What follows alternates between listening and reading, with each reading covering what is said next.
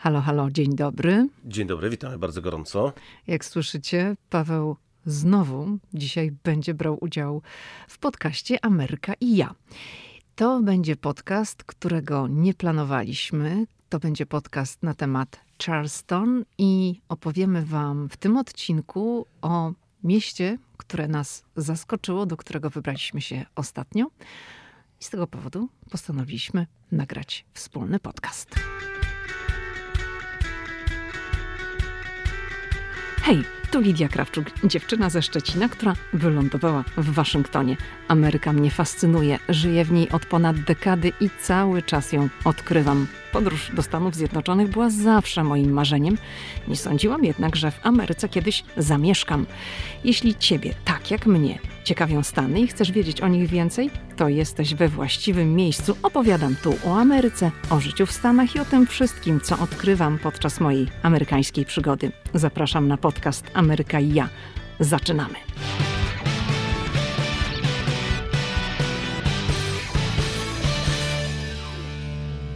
Dobrze, to będziemy zaczynać nasz kolejny wspólny odcinek. Paweł uwielbia występować w moim podcaście, dlatego znowu go zaprosiłam. Ja się bardzo cieszę z tego powodu. Będziemy dzisiaj rozmawiać o Charleston, do którego wybraliśmy się przy okazji Spring Break, czyli takiej wiosennej przerwy przed świętami wielkanocnymi tutaj w Stanach Zjednoczonych. I Pawle, nie planowaliśmy w ogóle wyjazdu do Charleston. Nie, mieliśmy inny plan, e, związany z Nashville. Nashville miał być e, tym miejscem, które odwiedzimy. Natomiast y, akurat w tym okresie pogoda mocno zmieniła się w sporej części Stanów Zjednoczonych i w zasadzie w ostatniej chwili zobaczyliśmy, że w Nashville e, pogoda będzie typowo barowa, a nam nie tylko na barach e, zależało, e, także całej okolicy. Dlatego szybka zmiana i udało się wybrać zupełnie inne miejsce. Może ja powiem, jak ta szybka zmiana wyglądała. Po prostu rozłożyliśmy mapę i zaczęliśmy się zastanawiać, dokąd moglibyśmy pojechać samochodem, żeby nie było tak bardzo, bardzo daleko. A bardzo daleko to nie jest dla nas 2, 3, 4 czy 5 godzin, tylko bardzo daleko to jest dla nas kilkanaście godzin, czyli na przykład Floryda. Myślę, że każdy, kto pomieszkał trochę w Stanach Zjednoczonych, to w tej chwili na odległości patrzy inaczej. E, być może ktoś, kto mieszka w Europie, ktoś, kto mieszka w Polsce, myśli sobie, że 2-3 godziny no to jest daleko, ale e, tutaj 2-3 godziny od domu to nie to jest, jest daleko. To mhm. jest nic. To jest nic. Rozłożyliśmy mapę, no i padło mnie tak zaświtało w głowie, że może by wybrać się do Charleston, w którym nigdy nie byliśmy. Ale przez Charleston w zasadzie wiele razy przejeżdżaliśmy. To znaczy, przejeżdżaliśmy autostradą w kierunku Florydy, e, którą trzeba dojechać do Charleston. Również e, w pewnym momencie na tej autostradzie pojawiają się znaki, e, no, że należy z niej zjechać, żeby dojechać właśnie do Charleston, ale przez właśnie ten fragment autostrady obok Charleston przejeżdżaliśmy wiele, wiele razy. I Pierwsza rzecz to była taka, jaka tam będzie pogoda. Okazało się, że będzie 25-26 stopni Celsjusza i piękne słońce, także to już był ten plus. Zobaczyliśmy, że no tak naprawdę to jest nad oceanem, czyli można będzie pójść na plażę i że w tym mieście jest parę rzeczy do zobaczenia i do zrobienia, także decyzja natychmiast zapadła, że będzie to Charleston i dwa dni później, bo my tak naprawdę na ostatnią chwilę zmieniliśmy te rezerwacje, znaczy udało nam się odwołać rezerwację, którą mieliśmy w Nashville, bo tam wszystko mieliśmy już zabukowane. Wsiedliśmy do samochodu i ruszyliśmy w kierunku Charleston. Jechaliśmy, Pawle, ile dokładnie? Chyba gdzieś koło 8 godzin, prawda? To było. Także nie było źle, biorąc pod uwagę, że akurat w tym okresie, kiedy my wyruszaliśmy mm, z Waszyngtonu, w tej części Stanów Zjednoczonych e, rozpoczynała się przerwa wiosenna, czyli spring break. E, I to jest taki okres, kiedy no, ludzie tutaj z północno-wschodniej części Stanów Zjednoczonych gonią, krótko mówiąc, na Florydę, żeby ten przedświąteczny czas spędzić gdzieś e, w ciepłym miejscu, ale także wielu ludzi mm, na Wielkanoc zostaje na Florydzie. I to jest ten czas, kiedy kiedy i hotele są drogie, i wypożyczalnie życzą sobie więcej pieniędzy w tym okresie na Florydzie, i loty na Florydę są droższe, i oczywiście autostrada na południe Stanów Zjednoczonych, z tej części mm, USA, autostrada 95 zawsze jest mocno zatłoczona. Więc spodziewaliśmy się korków, ale korków nie było. Wygląda na to, że my wyjechaliśmy w niedzielę, a ludzie ruszyli już w piątek i w sobotę i kiedy my jechaliśmy, to było naprawdę nieźle. Mm, tutaj zakrokowany był tylko fragment między Waszyngtonem a Richmond, czyli stolicą stanu Virginia, ale tutaj zawsze są korki, a później już jechaliśmy sobie spokojnie, więc naprawdę dobry wybór, no i miejsce piękne. I musimy Wam powiedzieć uczciwie, że jak to często w naszym przypadku bywa, jeżeli chodzi o takie wyjazdy spontaniczne, nie mieliśmy przygotowanej jakiejś rozpiski, jakiegoś fajnego planu podróży, co my chcemy zobaczyć i tak dalej. Ja tylko szybciutko sprawdziłam, czy tam w ogóle, no, czy jest szansa, że będzie fajnie. Uznałam, że będzie fajnie. Paweł nie był przekonany w ogóle do Charleston, ale tak naprawdę dla nas była to jedyna opcja, dlatego że nie mieliśmy zbyt wielu dni i nie chcieliśmy lecieć samolotem, chcieliśmy pojechać samochodem, żeby było ciepło, żeby nie było zbyt daleko, więc tak jak powiedziałam wcześniej, wybraliśmy Charleston. To jest miasto w Stanach Zjednoczonych, oczywiście w Karolinie Południowej, nad Atlantykiem, czyli mieliśmy okazję pójść na plażę. Paweł się nawet wykąpał, ja się nie kąpałam. Morsowałem. Morsowałeś? Mm, to znaczy, że znaczy woda chyba nie była aż tak bardzo nie, zimna. Nie, oczywiście. To z morsowaniem nie miało nic wspólnego, ale w Polsce też jest taka moda na morsowania. Wszyscy morsują, więc ja morsowałem w Karolinie Południowej przy 27 stopniach na zewnątrz. Także to było jego morsowanie. Dobrze, zatem Charleston to jest miasto założone w 1670 roku jako Charles Town, czyli miasto Karola, na cześć króla Anglii, Szkocji, Irlandii Karola II, no bo przecież to była brytyjska kolonia. Charleston zapisało się w historii przede wszystkim z powodu roli, swojej roli głównego portu handlu niewolnikami i tym tematem oczywiście troszeczkę szerzej zajmiemy się za chwilę. 150 tysięcy osób żyje w tej chwili w Charleston i oczywiście jak tam byliśmy, to pokazywaliśmy na naszych kontach na Instagramie, Paweł i ja, relacje z Charleston i zadano mi takie pytanie, czy to jest miasto zdominowane przez czarnoskórych mieszkańców? Nie. Demografia jest tam taka, że 74% ludności stanowią osoby białe, Afroamerykanie to jest 21%, no i reszta to są, to są inne rasy od początku XVIII wieku aż do wojny secesyjnej klasa rządząca regionu należała do najbogatszych ludzi na świecie. Dzięki temu, że tam były imperia bawełny i ryżu, no i to wszystko oczywiście odbywało się na pracy zniewolonych Afrykanów. W Charleston mamy coś takiego, co nazywa się Historic District. To jest dzielnica, która obejmuje XVIII i XIX-wieczne budynki i przy wielu tych budynkach są tablice z informacją, kto tam kiedyś mieszkał. I miasto oferuje wycieczki, na przykład powozem. My tym razem nie byliśmy na takiej wycieczce i właśnie w czasie tej wycieczki przewodnicy opowiadają o historii miasta, co tam się dzieje, ale sam spacer po mieście, na którym my się wybraliśmy kilka razy, jest naprawdę wielką, wielką przyjemnością. To jest przepiękne miasto z e, pięknie zachowanymi budynkami, no a przede wszystkim e, miasto bardzo kolorowe, bo mieszkańcy, pewnie zdając sobie sprawę, jak wielu turystów przyjeżdża w dzisiejszych czasach, to wszyscy chcą mieć piękne, kolorowe zdjęcia, e, także dbają o zieleń. I to nie tylko mówię o drzewa, tylko każdy dom w zasadzie z tych pięknie zachowanych ma okiennice, a oprócz okiennic pod oknem jest donica, donica z kwiatami. I co dom to piękniejsza kompozycja kwiatowa i to naprawdę przyciąga bardzo dużą uwagę. Mm, taka ciekawostka, kiedy chodziliśmy ulicami Charleston, to widziałem, że ludzie właśnie skupiali się na tych oknach, robili sobie zdjęcia okien e, z tymi pięknymi kompozycjami mm, kwiatowymi, bo tam rzeczywiście można czerpać e, inspirację i do zdjęć, ale także właśnie do tych kompozycji kwiatowych. E, myślę sobie, że to jest też takie miasto, z którego można przynieść, przywieźć z wakacji mnóstwo kolorowych zdjęć, bo tam jest po prostu uroczo. Jeżeli ktoś lubi kwiaty, to Charleston absolutnie oprócz tej warstwy historycznej, mm, którą niesie ze sobą mm, e, miasto e, właśnie w Karolinie e, Południowej, to warto zwrócić uwagę na zieleń, która jest obłędna. I jak Paweł tutaj mówił o inspiracjach, to można mieć też tam bardzo dużo inspiracji, jak komponować kwiaty w doniczkach. My zrobiliśmy tam mnóstwo zdjęć, bo co okno i co doniczka, znaczy doniczka to jest zamysłowo, taka donica wielka, podłużna. Tam były różne kompozycje z różnymi kolorami i różnymi gatunkami kwiatów. Paweł wypatrzył jedną ciekawą rzecz. To dopiero było widać w momencie, kiedy ta donica była pusta. W jaki sposób te kwiaty są podlewane? Bo jeden z budynków przechodził akurat renowację i zobaczyłem, że pod parapetem jest wypuszczona taka niewielka rurka. I nie trudno się domyślić, że ktoś ma w domu po prostu zegar e, automat, który w odpowiedniej godzinie e, uwalnia wodę, która sobie tam spokojnie spływa do tej donicy, bo rzeczywiście pielęgnowanie tych kwiatów to zajmuje pewnie mieszkańcom sporo e, czasu. I zauważyłem właśnie, że mają taki patent na nawadnianie tych donic, żeby te kwiaty miały oczywiście w tej temperaturze, bo tam jest bardzo ciepło, odpowiednią wilgoć. Czyli nie trzeba po prostu tego robić ręcznie.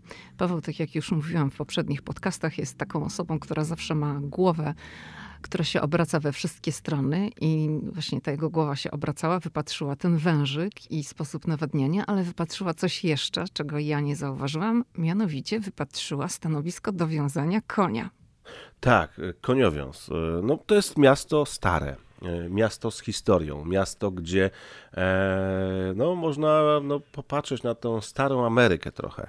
I, I właśnie przed jednym z budynków e, była zachowana, było zachowane takie miejsce, gdzie można było przywiązać konia. Ale co zauważyłem jeszcze? Ławki, ławki wykuwane, takie niewielkie, one miały po no, nie wiem, 30 centymetrów wysokości, wykuwane z jakiegoś tam kamienia, na których dawno, dawno temu ludzie sobie przesiadywali. Teraz jak ktoś e, no, jest mało spostrzegawczy albo mm, nie zauważa takich szczegółów, to nawet by nie pomyślał, że to jest ławka, tak, ale to są stare ławki. E, miasto jest pełne właśnie takich rzeczy, takich detali, które gdzieś tam na starym filmie widzieliśmy, a w Charleston one jeszcze są e, i co więcej, można z tego skorzystać. Myślę, że tam ktoś jeszcze, mm, znaczy z ławek to na pewno, ale czy ktoś jeszcze... Konia przywiązał? Nie no, konia pewnie nie. Chociaż koni w Charleston nie Jest brakuje. dużo, no właśnie, powiedz bo o tym. w Charleston można zwiedzać właśnie korzystając z dorożki. Ty miałeś mieszane uczucia. I mam mieszane uczucia, tak, bo po pierwsze w Karolinie Południowej jest gorąco, po drugie jeden koń ciągnie wóz, gdzie siedziało kilkanaście osób. Ja po prostu uważam, że te czasy, kiedy no, trzeba było koniecznie zaliczyć w miasteczku mm, dorożkę, y, dawno minęły. Poza tym uważam, że tym koniom można trochę ulżyć, można e, skorzystać z energii słonecznej i te wozy mogłyby być na przykład częściowo napędzane w jakiś sposób, żeby te konie się nie męczyły. Ja wiem, że zaraz pewnie będziesz miała mnóstwo komentarzy, że konie są do tego stworzone, bo niektórzy tak to tłumaczyli, kiedy skomentowałem to na Instagramie. Ja jednak myślę, myślę, że koń nie jest e, stworzony do tego, żeby e, choćby w Polsce na morskie oko ciągnął e, grupę, przepraszam, leniwych turystów, którzy mogą spokojnie pójść pieszo. Ale oczywiście każdy lubi co lubi. Zdjęcia są przepiękne, tak, no bo kiedy taki koń sobie mm, idzie i na tych na tym pięknym e, tle pięknych budynków, no to one są urocze, natomiast no ja skupiam się na tym, że e, ten koń w takiej wysokiej temperaturze ciągnie ciężki wóz i jeszcze kilkunastu turystów. E, I tu pewnie też zdania będą podzielone co do tego, czy należy z takich atrakcji korzystać. W przypadku osób, które mają problem z poruszaniem się, osób starszych, to, to rozumiem, natomiast no często jest to po prostu jakiś tam fan dla niektórych. No ja z tego radości bym nie czerpał. Popatrzeć tak, natomiast skorzystać, jak sama wiesz, nigdy nie skorzystałem. Jeszcze Charleston to jest takie spokojne miasteczko, gdzie to wszystko jakoś tak i ten ruch jest mniejszy, natomiast sama wiesz, że czasem po piątej alei w Nowym Jorku Widzimy konia, który ciągnie też właśnie kogoś w dorosce między tymi samochodami. No myślę, że nie jest to, bo jeszcze Central Park to tam pół biedy, no ale, ale czasem widzieliśmy te dorożki na Piątej Alei. Po prostu ja akurat jestem przeciwnikiem tego. Tylko może jeszcze właśnie powiedzmy, jak to wygląda w Charleston, bo dałeś tutaj takie porównanie do Piątej Alei, do Nowego Jorku. W Charleston to wygląda w ten sposób, że jest zaprzęg konny, siedzi kilkanaście osób, jest przewodnik i ten wóz z tą grupą osób, z grupą turystów zatrzymuje się w punktach miasta niektórych, na przykład przed jakimś historycznym budynkiem i przewodnik opowiada o tym miejscu i taka wycieczka, ta grupa kilkunastu osób siedzących na tym wozie po prostu jeździ sobie po tym historycznym dystrykcie Charleston i słucha opowieści Charleston- przewodnika. Mhm. Charleston ma jeszcze dosyć e, no, płaską powierzchnię, powiedziałbym tak. Tam nie ma górek, e, przynajmniej w tej części starszej, gdzie jest to French Quarter, to jest płaski teren, więc no, to nie jest jeszcze tak, że są jakieś przewyższenia, gdzie ten koń rzeczywiście mm, ma podgórkę, o tak powiem. No ale jakoś no, nie mam do tego typu zwiedzania mm, miast e, sentymentu. Dobrze, to teraz może przejdźmy do tej sprawy, o której wspominałam. Mówiłam, że Charleston było kluczowym portem, w którym odbywała się sprzedaż i transport zniewolonych ludzi z Afryki do wszystkich dużych miast w Stanach Zjednoczonych. Według Międzynarodowego Muzeum Afroamerykanów prawie 80% Afroamerykanów może potencjalnie wyśledzić swojego przodka, który przybył do Charleston. To obrazuje też, jak wielu ludzi właśnie przywieziono, zniewolonych ludzi mm, do Stanów Zjednoczonych i te osoby właśnie przeszły przez port w Charleston. Sprzedaż zniewolonej osoby oznaczała zazwyczaj odesłanie jej do jednego z trzech miejsc, czyli do jakiegoś domu w Charleston, na plantację lub gdzieś do jakiegoś innego miejsca w Stanach Zjednoczonych. Plantacja Magnolia, na której my nie byliśmy tym razem, była domem dla nawet 235 zniewolonych Afroamerykanów w jednym czasie. Także to była bardzo duża plantacja, bo ponad 200 osób na niej pracowało. Pracowało to jest, myślę, niewłaściwe słowo. Znaczy oni wykonywali pracę, ale nie dostawali za to przecież wynagrodzenia. I to nie była rzadkość, że było tak wiele osób na jednej plantacji. Plantacje w Charleston opierały się na niewolniczej pracy i opowiemy właśnie o takiej jednej plantacji, którą odwiedziliśmy. Wiele z tych plantacji upadło po zakończeniu niewolnictwa w 1865 roku. I może powiedzmy, jakie prace wykonywali niewolnicy w samym Charleston, Pawle.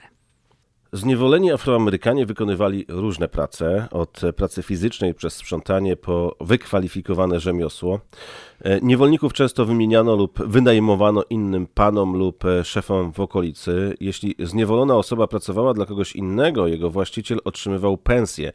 E, czy chodzi oczywiście o właściciela, tak? Po prostu właściciel e, tego niewolnika. To są- Zarabiał na tym. tak, to są po prostu to straszne czasy i przyznam szczerze, kiedy odwiedziliśmy jedną z takich plantacji, no to ja miałem trochę takie mieszane uczucia chodząc po tym terenie.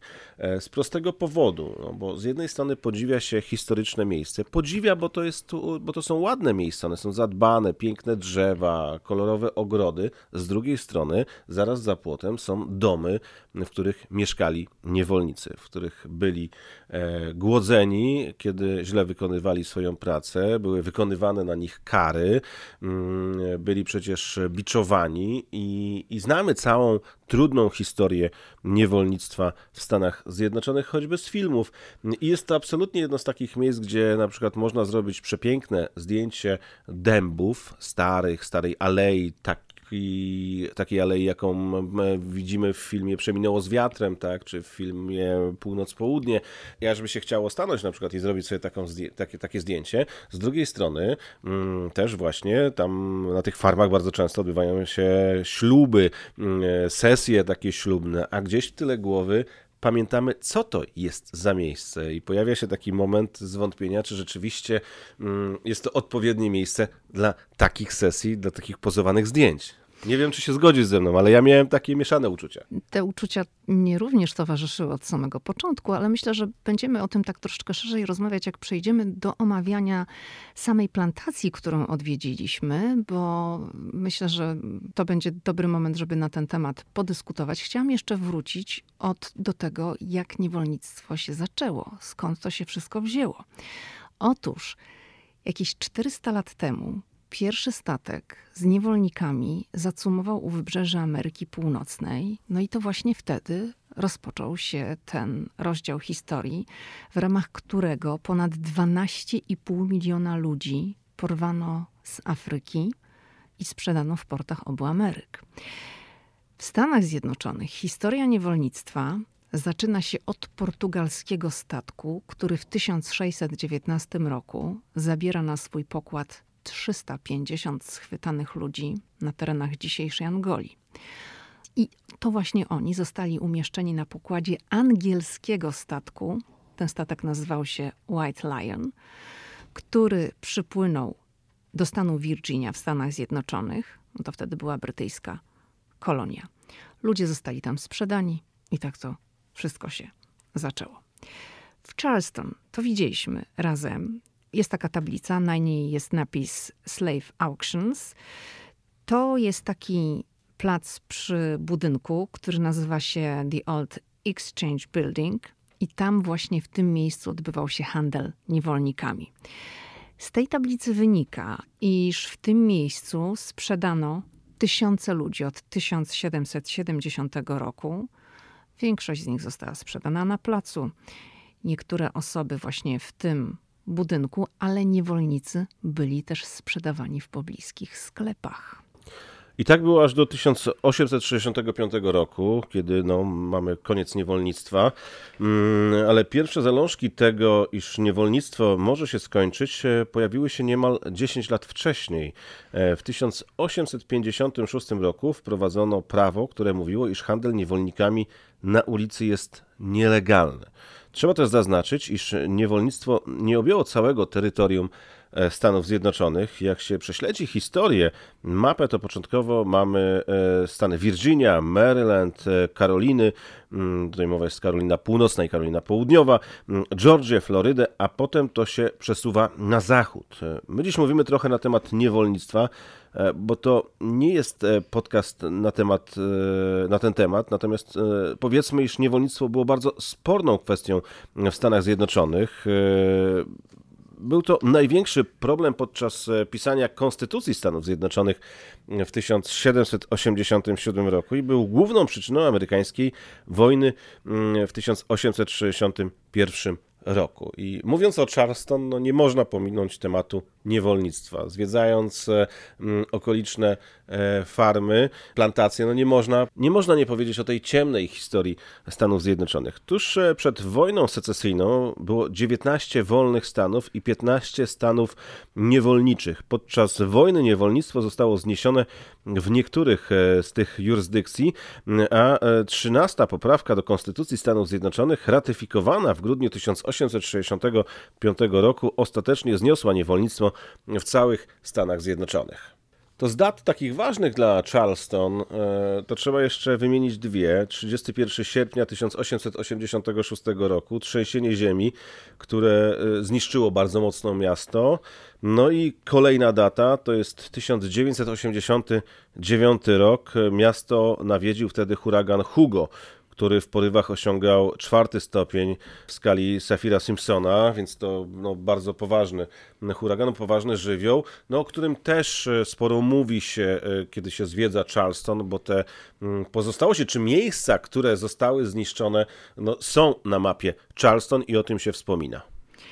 Ten temat związany z niewolnictwem będzie się w naszym podcaście dzisiaj przewijał i tak jak obiecałam, powiemy trochę szerzej i więcej na temat plantacji Boone Hall, którą odwiedziliśmy troszeczkę później. Teraz bym chciała, byśmy jeszcze trochę na chwilę zostali w samym Charleston i opowiedzieli o dębach, bo dęby, nie wiem czy tak powinna mówić, ale no dla mnie to jest taki znak firmowy tego miasta. Tych dębów jest mnóstwo.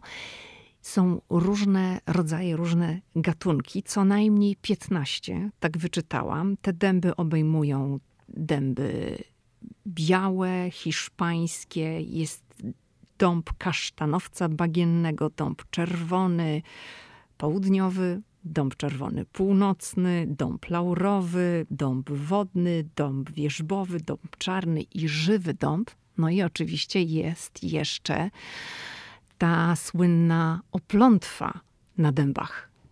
Tak, to jest nie, niesamowite, bo kiedy spaceruje się ulicami Charleston, zresztą to nie tylko Charleston, bo i Karolina Południowa, ale też i w Georgii można takie drzewa spotkać, e, to te drzewa e, trochę wyglądają jak z horroru. One są trochę obwieszone jak choinka w grudniu lametą. E, kiedyś dużo tego się na choince wieszało. Więc tutaj ten krajobraz tych miast, także właśnie Charleston, mm, bardzo mocno jest zdominowany przez piękne, dorodne dęby oplecione mm, właśnie tymi zwisającymi roślinami. Jest jeszcze jeden taki słynny dąb. On nie jest w samym Charleston. On jest, no ile tam się jechało? Gdzieś 20 minut? 20 minut. 20 tak. minut. Ten dąb nazywa się Angel Oak Tree, czyli no dąb anioł.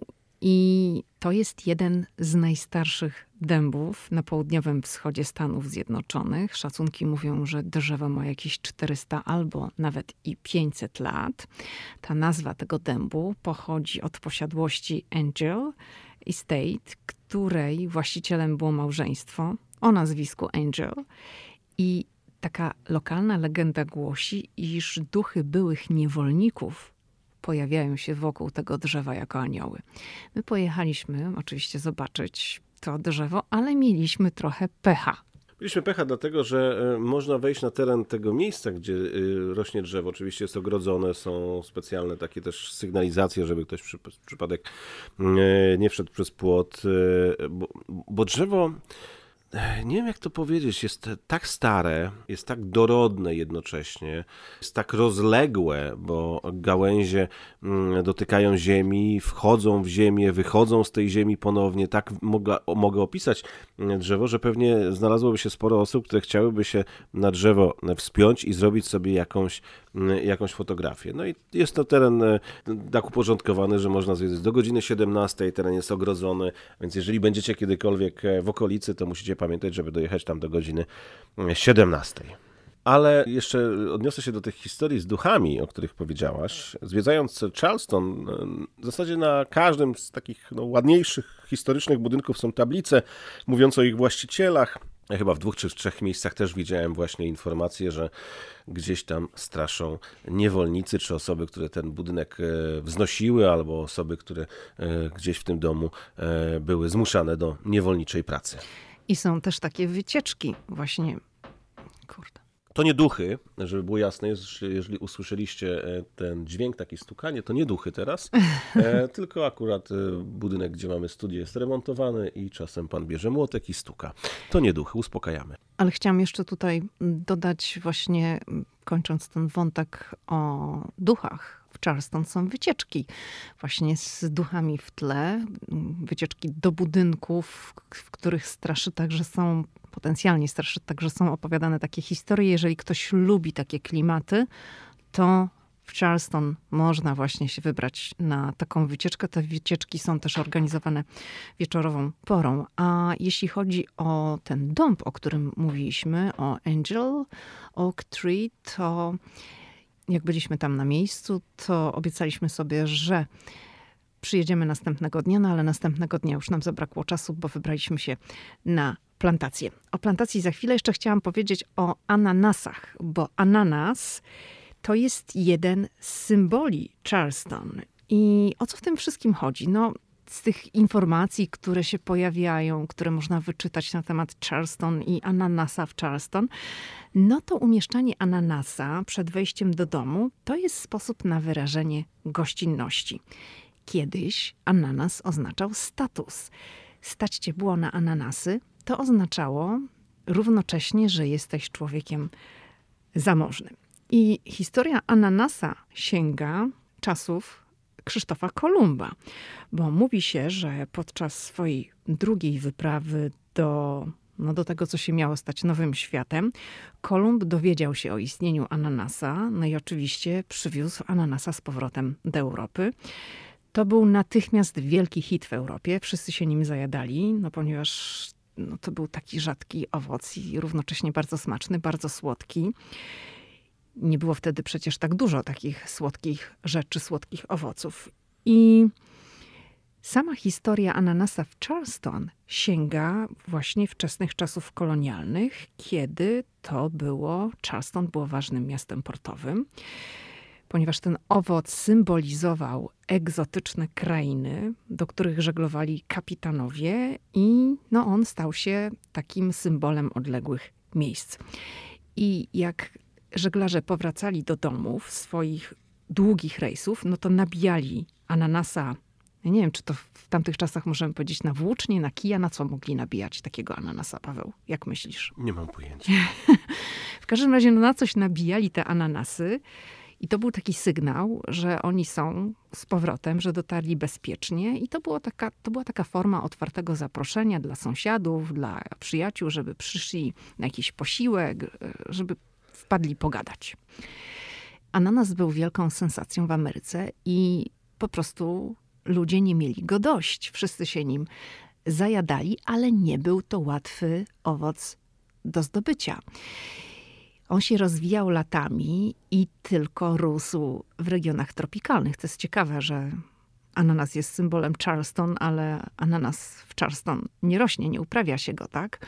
Ananas był też trudnym owocem do transportu. On się często psuł, zanim dotarł na miejsce przeznaczenia i jeżeli gospodyni w tamtych czasach oferowała ananasa jako poczęstunek swoim gościom, no to jednocześnie to był też taki sygnał, że taki dom, taka rodzina to są bogaci, zamożni członkowie społeczeństwa. I tak jak mówiłam, ananas symbolizował także gościnność. Ten ananas jest widoczny w Charleston. Można go spotkać w sklepach. Nie mówię o owocach samych w sobie, tak? No to wiadomo, że są tak jak wszędzie, ale gdzieś tam w sklepach z pamiątkami są jakieś takie dekoracje ananasowe. Widziałam przy niektórych domach, na przykład ogrodzenie jest wykończone takimi elementami w kształcie ananasa, ale jest taki jeden punkt charakterystyczny w Charleston, to jest fontanna w kształcie ananasa. Tak, i tam wszyscy sobie robią zdjęcie. Dzieci oczywiście mm, e, pluskają się w tej fontannie. Ona znajduje się w tej części portowej. Zresztą niedaleko kruzery cumują, kiedy no, płyną sobie wzdłuż wybrzeża Atlantyku i wpływają do Charleston, a osoby zaokrętowane zwiedzają w tym czasie miasto. I tam jest właśnie e, ananas, e, znaczy fontanna w kształcie ananasa, widoczna z daleka, nie da się jej nie zauważyć i to jest też takie miejsce, które no, trzeba odwiedzić i zrobić sobie tam koniecznie zdjęcie. Ja też ananasy widziałem na magnesach, e, tych, które ludzie masowo e, przyczepiają, na lodówkach, e, mówię o gadżetach, które są przywożone z podróży. Tak więc ten ananas jest faktycznie w wielu miejscach obecny. Mm, I może powiedzmy taką ciekawostkę, bo mm, jeżeli ktoś nigdy nie widział, w jaki sposób rośnie ananas, a nie jest to takie oczywiste i proste, żeby zobaczyć, gdzie rosną ananasy, to może być to zaskoczeniem, że ananasy nie rosną na drzewach. One nie rosną w Charleston. W Stanach Zjednoczonych można zobaczyć, jak rosną na Hawajach. I to widzieliśmy. Tak, byliśmy nawet na takiej farmie e, na Hawajach, gdzie jest cała farma, właśnie farma ananasowa. No tak to trzeba powiedzieć. Odwiedzając taką farmę, można zobaczyć, mm, jak uprawia się e, ananasa, ale też e, można zjeść owoce na tej farmie. Można też zjeść lody o smaku ananasowym. To jest Jedliśmy cała wycieczka. ananasowa, tak. Tak, to jest mhm. cała wycieczka. Niedaleko Honolulu byliśmy na takiej właśnie farmie no, można spędzić kilka godzin, e, piękne też kompozycje kwiatowe, e, wąskoturówka, która jeździ gdzieś tam po polu i można zobaczyć właśnie uprawę ananasów. Także w Stanach Zjednoczonych ananasy uprawia się głównie na Hawajach i są jeszcze małe uprawy na Florydzie i w Kalifornii, ale nie w Charleston, którego symbolem jest ananas. I... A swoją drogą to ciekawostka, że w Charleston ten ananas jakoś tak e, przylgnął, bo ja bardziej bym stawiał na bawełnę chyba na tych terenach, że ona będzie jakimś tam symbolem e, tego regionu. No jeszcze może plantacje ryżu, ale wiesz, może dlatego, że to się tak kojarzy z tym okresem niewolnictwa, bo przecież niewolnicy byli zatrudniani głównie do zbierania bawełny, tak? To może, może trudno tak, może powiedzieć. rzeczywiście ten symbol trzeba było zastąpić, bo to by się źle kojarzyło. Myślę, że to może się stąd brać. Także jeżeli będziecie w Charleston, to ta fontanna z ananasem jako taki symbol miasta do zaliczenia. Trochę nas to rozbawiło, ponieważ przed fontanną jest informacja na temat tej fontanny i są zasady i jest napisane, że przed wejściem do fontanny, do fontanny wchodzą głównie dzieci, należy wziąć prysznic. Ale prysznica nie ma. Nie ma tam żadnych natrysków, także to było dla nas no, dosyć nawet bardzo zabawne, że była sugestia, żeby się wykąpać. Także to jest ta rzecz, którą sobie możecie zobaczyć. Mm, oczywiście jest tam jeszcze jedna rzecz, której nie zrobiliśmy i którą sobie zostawiamy na następny raz, bo jesteśmy zauroczeni Charleston i chcielibyśmy tam wrócić. To jest taka wycieczka, to jest wycieczka, ona się nazywa Food Tour. I to polega na tym, że razem z, z, przewodnikiem spaceruje się po mieście, słucha się na temat historii, tych takich różnych wszystkich ciekawostek, tego, co się w mieście działo. A przy okazji odwiedza się takie popularne i charakterystyczne restauracje Charleston i próbuje się lokalnej kuchni. No bo też Charleston kuchnią stoi. Tam jest bardzo dużo restauracji. Jest dużo restauracji z owocami morza. Także my odwiedziliśmy kilka restauracji w czasie naszego pobytu i jedną z tych restauracji była restauracja, która jest zrobiona w dawnym kościele. Tak, musiałem tam zajrzeć koniecznie. E, ale też e, ten budynek kościelny składa się z e, innych pomieszczeń i musicie uważać, jeżeli będziecie chcieli odwiedzić dokładnie wnętrze kościoła, znaczy byłego kościoła, to musicie wejść, zastanowić się, gdzie wchodzicie, sprawdzić. Mm, bo my byliśmy w takiej dobudówce jakby. Jakby taka nawa boczna. Nawa boczna, czy może pozostałość po jakiejś nawie bocznej, może po jakiejś zakrystii. I to, to, to, chociaż tam nie ma jakichś sakralnych ele elementów, żeby było jasne. Natomiast w tej głównej części są witraże i sklepienia i łuki, które mm, przypominają właśnie, że było tam jakieś zgromadzenie. No, tam tych kościołów w Charleston jest mnóstwo i oczywiście różne wyznania, bo, bo ten kraj jest e, zróżnicowany religijnie, mm, więc e, no, to, to, często się odbywa tak, że już nie było tam zbyt wielu chętnych, aby do tego zgromadzenia uczęszczać. No i ten kościół pewnie przestał istnieć no, prawdopodobnie w takich okolicznościach, tak sądzę. Natomiast są też, co warto zwrócić uwagę, piękne kościoły z pięknymi wieżami, dzwonnicami w Charleston, no i niesamowite stare cmentarze, na które też warto wejść i zwrócić uwagę mm, przede wszystkim na nagrobki, e, jak one wyglądają. E, część zadbania zaniedbanych, część już no, trochę zapomnianych, no, ale można odczytać daty pochówków, no, bardzo odległe. E, to jest naprawdę bardzo historyczne miasto, jeżeli ktoś tak interesuje się historią i zwraca uwagę na takie rzeczy, to rzeczywiście no, będzie miał co robić w Charleston. Ale też należy zaznaczyć, żeby mm, nie odnieść takiego mylnego wrażenia, że to jest miasto nudy na pudy. Bo jeżeli będziemy tylko się i wyłącznie skupiali na tym wątku historycznym, to ktoś sobie pomyśli, e, no to może ja niekoniecznie. Nie, oczywiście po miasto... zmroku można zaliczyć jakiś rooftop bar, tak, z widokiem tak, na port. no jest bardzo dużo restauracji, są tak. kluby, restauracje z muzyką na żywo, no i przede wszystkim spacer uliczkami Charleston te malownicze uliczki, kolorowe kamienice, piękne okiennice i donice wypełnione kwiatami, to jest naprawdę raj. No i jeszcze jedna rzecz, no jeżeli ktoś e, do Charleston przyleci, czy przyjedzie i ma do dyspozycji samochód, to wsiada w samochód, no i w ciągu 20 minut, w zasadzie 15 nawet, my byliśmy kilka dni w Charleston e, w tygodniu i ani razu nie staliśmy w korku. Nie wiem, czy ty zauważyłaś, że... Mm -hmm, tak, rozmawialiśmy a, na ten I to też jest mm -hmm. dobra wskazówka ważna. E, ani razu nie korzystaliśmy także z płatnych, dużych, publicznych parkingów. Znajdowaliśmy miejsce na ulicy za kilka dolarów dolarów, co w Stanach Zjednoczonych jest też rzeczą, na którą trzeba zwrócić uwagę, bo w wielkich amerykańskich miastach parkingi potrafią kosztować 30 dolarów i więcej. Na przykład Nowy Jork, oczywiście nie możemy porównywać e, Charleston do Nowego Jorku, ale to jest ważna rzecz, że rzeczywiście bez problemu znajdowaliśmy miejsce na ulicy, e, żeby zaparkować samochód. E, Tylko z drugiej strony, wiesz, zakładam, że nasi słuchacze być może, jeżeli będą kiedyś się kierowali w stronę Charleston, to może być sezon urlopowy wakacyjny. Może. Nie Weźcie wiemy. na to poprawkę. My ale, byliśmy... ale my też byliśmy podczas Spring Break, a Spring no. Break jest takim gorącym okresem w Stanach Zjednoczonych, także to była niezła wskazówka, że wcale nie było tak źle. W każdym razie chciałem powiedzieć, że mając do dyspozycji samochód w ciągu 15 minut maksymalnie możecie znaleźć się nad oceanem na przepięknej plaży i e, jeżeli znudzi wam się chodzenie uliczkami Charleston, to możecie sobie zrobić przerwę, poleżeć trochę na plaży, poopalać się czy też zjeść, czy wypić coś e, w jakimś barze z widokiem na ocean, a później do Charleston wrócić. Dobrze, to teraz już skupmy się na plantacji Bon Hall, którą odwiedziliśmy, o której wspominaliśmy troszeczkę tak na początku.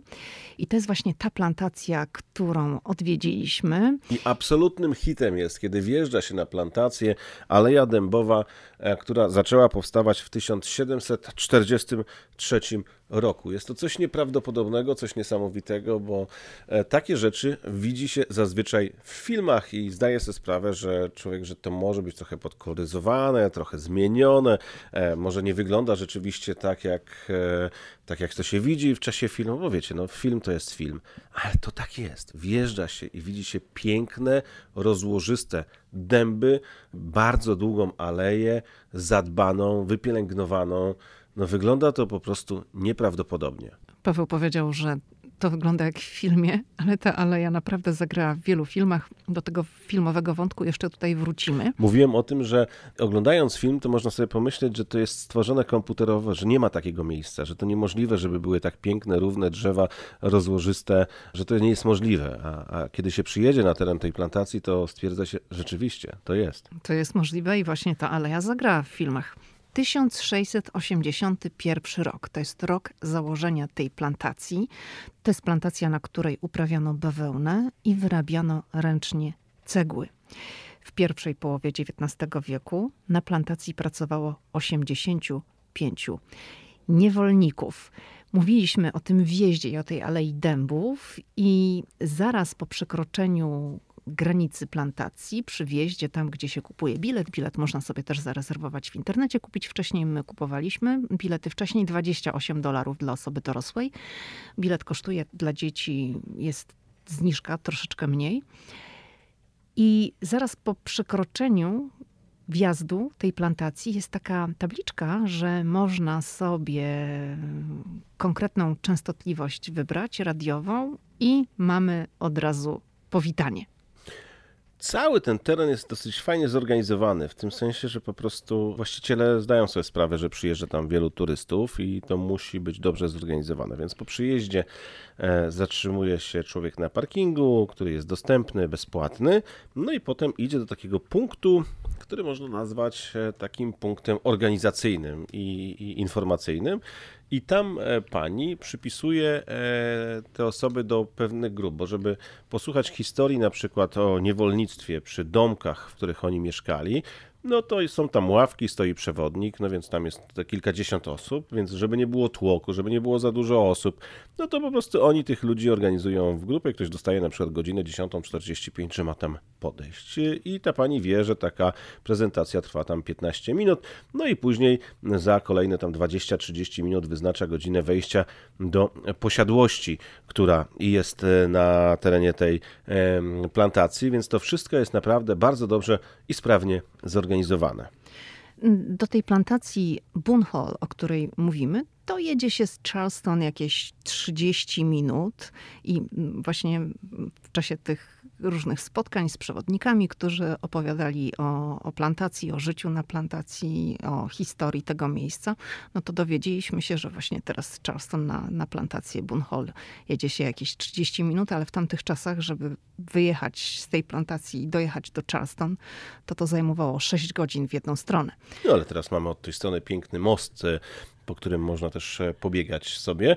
Mm, i pewnie kiedyś trzeba było omijać te wszystkie kanały portowe i nie tylko, które, te rozlewiska, które się na tym obszarze znajdują. To kwestia po prostu teraz lepszej mm, infrastruktury drogowej. Jadąc na farmę w Charleston, to oczywiście ta warstwa historyczna, ale tam też można sobie zrobić taki mini piknik, bo jest e, sklep z pamiątkami, z jedzeniem, mm, z lodami, więc tam też e, turyści robią sobie przerwę, a przerwę trzeba sobie zrobić, bo umówmy się, po pierwsze mm, lata mnóstwo tych muszek gryzących takich, bo to są też tereny podmokłe dookoła. Po drugie, no jest bardzo ciepło, więc można sobie tam gdzieś usiąść. Co jeszcze tam można zrobić? Zrobić? Można na przykład kupić sobie mm, lokalne produkty z tej farmy, jakieś ogórki w zalewie z, no, z tej plantacji. Paweł kupił, jeszcze nie kosztowaliśmy. Jeszcze nie, tak? I arbuza na przykład w takiej zalewie, jak, y, no tak to rozumiem, jak ogórki konserwowe, więc to też taka, taka ciekawa. Można taką po prostu sobie pamiątkę z takiej farmy mm, też zabrać. I jest oczywiście również przejażdżka wozem, który jest ciągnięty mm, przez e, traktor.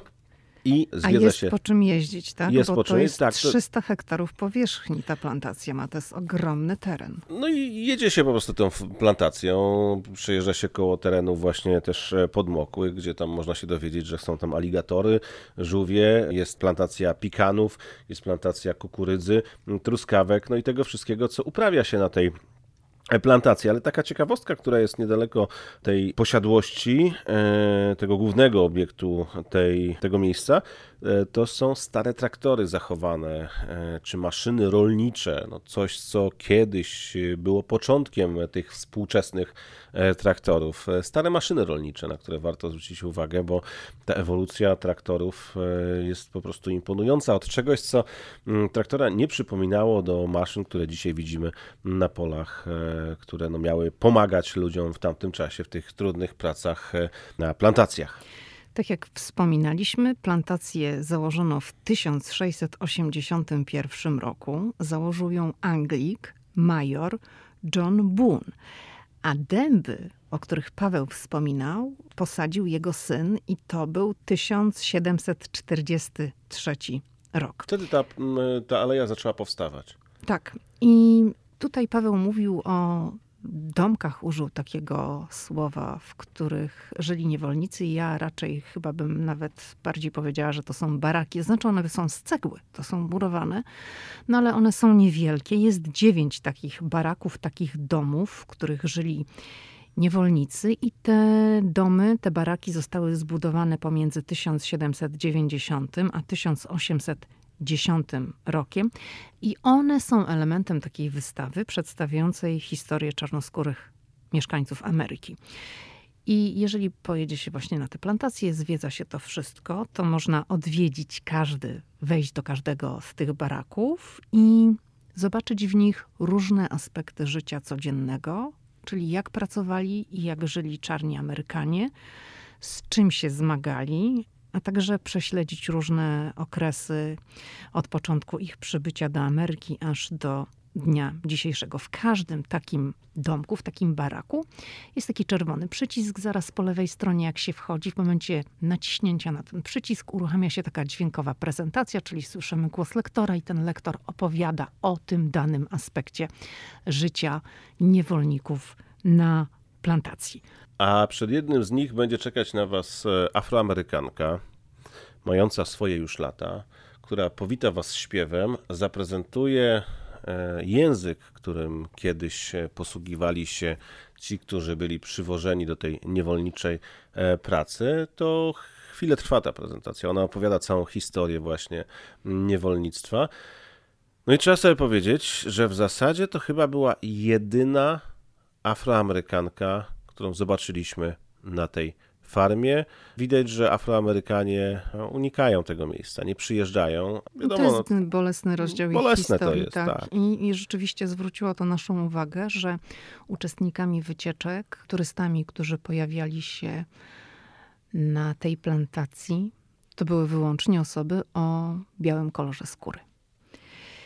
Ta plantacja jest w rękach prywatnych. To jest biznes, tak? Biznes polegający na tym, że z jednej strony to jest taka działalność turystyczna, czyli ludzie mogą przyjeżdżać, zwiedzać to, zapoznawać się z historią, ale to jest również działalność rolnicza. I właśnie tak jak Paweł opowiadał o tej przejażdżce po terenach plantacji farmy, bo dzisiaj to jest też właśnie farma, to widzieliśmy różne uprawy, różne rzeczy się tam uprawia na tej farmie i truskawki, i warzywa, owoce, również orzechy pekany. Tam jest dużo drzew właśnie z tymi orzechami. I również jest ta działalność biznesowa, o której Paweł wspominał, czyli są różne imprezy, są śluby, ceremonie ślubne. Tam przejeżdżając właśnie tym traktorem widzieliśmy, jest zbudowany taki namiot stały, takie stałe zadaszenie z przeznaczeniem na imprezy. I to jest rzeczywiście bardzo duże zadaszenie. Także tutaj mamy takie dwa rodzaje działalności na, na terenie plantacji. Z jednej strony ta turystyczna warstwa pokazująca, jak wyglądała plantacja, jak wygląda ona obecnie w tej chwili, i z drugiej strony działalność rolnicza, taka typowo farmerska, powiedziałabym. No jest jeszcze jeden aspekt tej plantacji, o którym myślę warto wspomnieć. To są filmy. Mówiliśmy, że jak się wjeżdża, to jest taki plener iście filmowy i on był, ten, ten wjazd, ta Aleja Dębów była wykorzystywana w różnych filmach. Może zacznijmy od Przeminęło z wiatrem, ale, ale Przeminęło z wiatrem wcale tam nie było kręcone, choć Aleja Dębów zagrała w tym filmie. I zaraz jak się zaczyna Przeminęło z wiatrem, jestem pewna, że będziecie w ogóle zaraz w Google to wbijać i szukać gdzieś tam na YouTube początku filmu. I sama tak zrobiłam, żeby właśnie sprawdzić, jak to wygląda. To jest scena, gdzie powozy wjeżdżają na teren plantacji. Teren plantacji przeminęło z wiatrem, czyli ta plantacja nazywała się 12 dębów. I tam mamy te aleje dębów. I to jest ta aleja z plantacji Bunhol, o której opowiadamy. Ale, i tego dowiedzieliśmy się właśnie w czasie trwania tej wycieczki, ekipa filmowa wcale tutaj niczego nie kręciła. Przeminęło z wiatrem zostało nakręcone w całości w Kalifornii, choć oczywiście akcja, jak wiemy, toczy się w stanie Georgia. Filmowcy przyjechali na plantację Boone Hall i zrobili tam zdjęcia i potem namalowali to wszystko na szkle.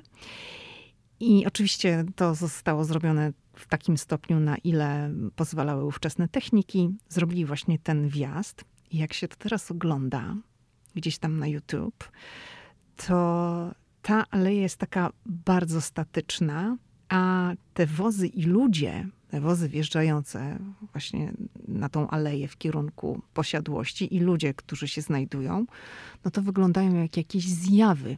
To jest bardzo mm, krótka scena, to jest dosłownie moment, ale jeżeli się przyjrzymy tej scenie, jak to zostało nakręcone, jak to zostało zrealizowane, to rzeczywiście widać, że to jest coś nie halo, że tam coś nie gra, no ale zaraz zaczyna się akcja, film się dalej toczy i zapominamy o tym momencie. Natomiast jeżeli go dokładnie się temu przyjrzymy, to widać, że to nie było tam kręcone, że są użyte jakieś techniki, no żeby odtworzyć ten, ten wjazd.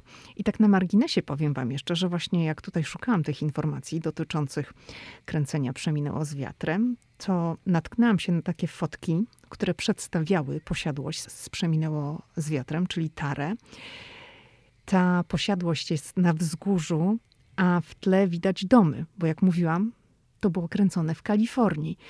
I to jest przecież 1939 rok, także są takie czarno-białe zdjęcia, można znaleźć w internecie jeszcze przed postprodukcją i widać Tarę, a w tle Kalifornię, gdzieś tam to potem zostało wszystko wymazane. Także Tara została zbudowana na tyłach Selznick International Studios y, w Kalifornii i to był tylko budynek, to była tylko fasada, a, a, a same wnętrza znajdowały się w studiach. Dobrze, to tyle tutaj tego wątku przeminęło z wiatrem w nawiązaniu do, do plantacji, o której rozmawiamy. Kilka filmów kręcono właśnie na, na terenie tej plantacji.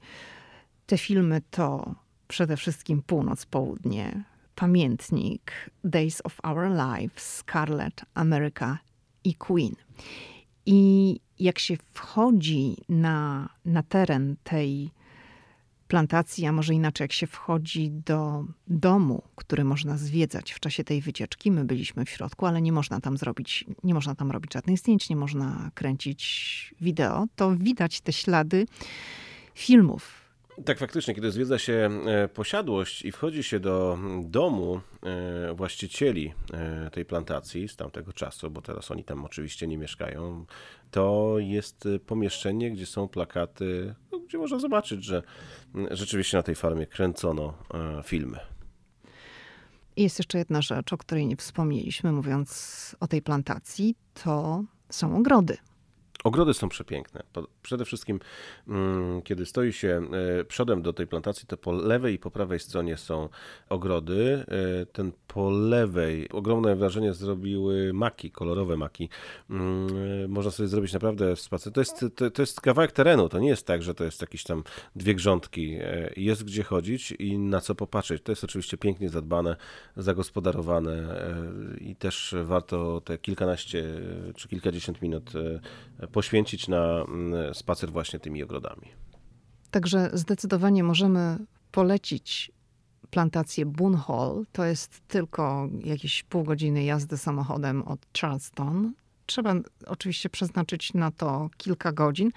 Można zaliczyć wszystkie punkty programu, te spotkania z przewodnikami, którzy opowiadają na temat historii plantacji, tego, co tam się działo i co się na niej dzieje obecnie. Można sobie tylko pochodzić, tak? I no każdy zwiedza w swoim tempie i, i zalicza to, co chce zaliczyć i co chce zobaczyć. No ale nie należy zapominać, że to nie jest tylko i wyłącznie ten piękny wjazd, ta piękna aleja dębów, ale to jest coś no coś więcej. To, za tym kryje się historia, historia niewolnictwa przede wszystkim. A jeszcze tu, kiedy y, szukałem jakiejś informacji na temat e, właśnie tej plantacji, to natknąłem się na taką opinię, że w tej całej pięknej idei e, rozpowszechniania całej historii związanej z niewolnictwem, z tą dramatyczną historią Stanów Zjednoczonych, e, wykorzystywania ludzi. Y, opowiadałaś mi akurat, bo nie wiem, czy ja akurat na chwilę odszedłem, czy nie słyszałem, mm, że y, niewolnicy, y, ci urodzeni na terenie plantacji, dożywali 20 lat, tak? Bo kiedy mieli 8 lat, to już szli do pracy, niewolniczej, ciężkiej pracy. Mm, to właśnie w takich komentarzach na ten temat przewinęła się taka opinia, że z jednej strony no, przedstawia się historię tego miejsca, tej ciężkiej, trudnej historii, ale z drugiej strony właśnie nie ma czegoś takiego jak na przykład zniżka dla Afroamerykanów, którzy mogliby na taką plantację przyjechać, czy być może nawet darmowy bilet wstępu, który byłby jakimś gestem, jakimś honorem dla przodków tych ludzi, którzy no, byli w taki no, dramatyczny sposób wykorzystywani na tych terenach. To jest dosyć taki trudny temat, powiedziałabym. Ja rozmawiałam mm, na temat odwiedzenia plantacji z moją koleżanką, która jest no, czarnoskórą koleżanką i ona była w Charleston i w ogóle zachwalała, że super miasto, że bardzo fajnie, no ale jak zaczęłyśmy rozmawiać chwilę na temat plantacji, to powiedziała, że to jest jednak zbyt emocjonalne, zbyt bolesne i nie chce tego odwiedzać. Po prostu. A ona e, nie jest potomkiem tych osób, bo ona pochodzi z zupełnie innej części, jej rodzice z zupełnie innej części świata. Ale tak czy siak jednak to jest temat bolesny. Dobrze, to jest kilka takich informacji, takich rzeczy, o których powiedzieliśmy w tym podcaście. Na pewno nie wyczerpaliśmy tematu Charleston, ale chcieliśmy Wam o nim opowiedzieć właśnie po to, byście być może, jeżeli kiedyś będziecie w tych rejonach, rozważyli odwiedzenie tego miejsca. A już na pewno, kiedy, bo często ludzie, którzy przyjeżdżają do Stanów Zjednoczonych, e, to mają takie wyobrażenie, że można sobie zrobić fajną wycieczkę, na przykład ze wschodu na zachód, czy z zachodu na Wschód, e, my wtedy bardzo często mówimy, to najpierw sobie zrób wschodnie wybrzeże, a później zachodnie wybrzeże, to jeżeli na przykład komuś by się tak przytrafiło, że e, przyleciałby do Nowego Jorku i miał trochę czasu i miał w planach podróż do, na Florydę, bo wiele osób e, tak robi, no to jadąc samochodem z Nowego Jorku, oczywiście tym miejscem obowiązkowym, gdzie należałoby się jadąc trasą 95 zatrzymać to Waszyngton, bo to stolica kraju, ale później jadąc na południe, mm, no warto zatrzymać się właśnie w Charleston, poznać historię tego miejsca. Kolejnym takim miejscem to jest oczywiście Savannah. No i dalej później Floryda. Tu jeszcze jest taki e, trochę e, polski wątek z Savannah związany. E, w której byliśmy. W, w, w czasie bitwy w, w Charleston e, odznaczył się mocno Kazimierz Pułacki, e, bohater obojga narodów, więc też ta historia jest oczywiście wpleciona w miasto Charleston. My wiemy na pewno, że do Charleston wrócimy. Zrobimy sobie jeszcze raz wycieczkę do Savannah. Byliśmy w tym mieście chyba ze dwa razy, tak Paweł? O ile sobie dobrze tak, przypominam. albo trzy nawet. Tak. No ale to już było kilka lat temu, także zamierzamy wrócić do obu tych miast i Charleston chyba jeszcze w tym roku raz, taki mamy przynajmniej plan, chcemy odwiedzić. Przypominam, że podcasty ukazują się zawsze we wtorki, premierowe odcinki.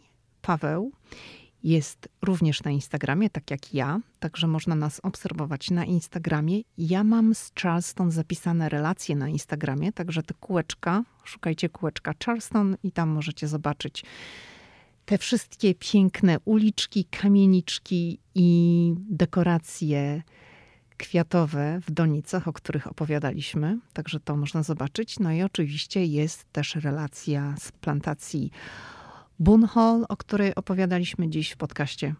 Też możecie to sobie zobaczyć. Dziękuję Ci, Pawle, kolejny raz za udział w podcaście Ameryka i ja. Dziękuję bardzo. Bardzo było miło porozmawiać o Charleston i okolicy. I do usłyszenia w kolejny wtorek. Do usłyszenia.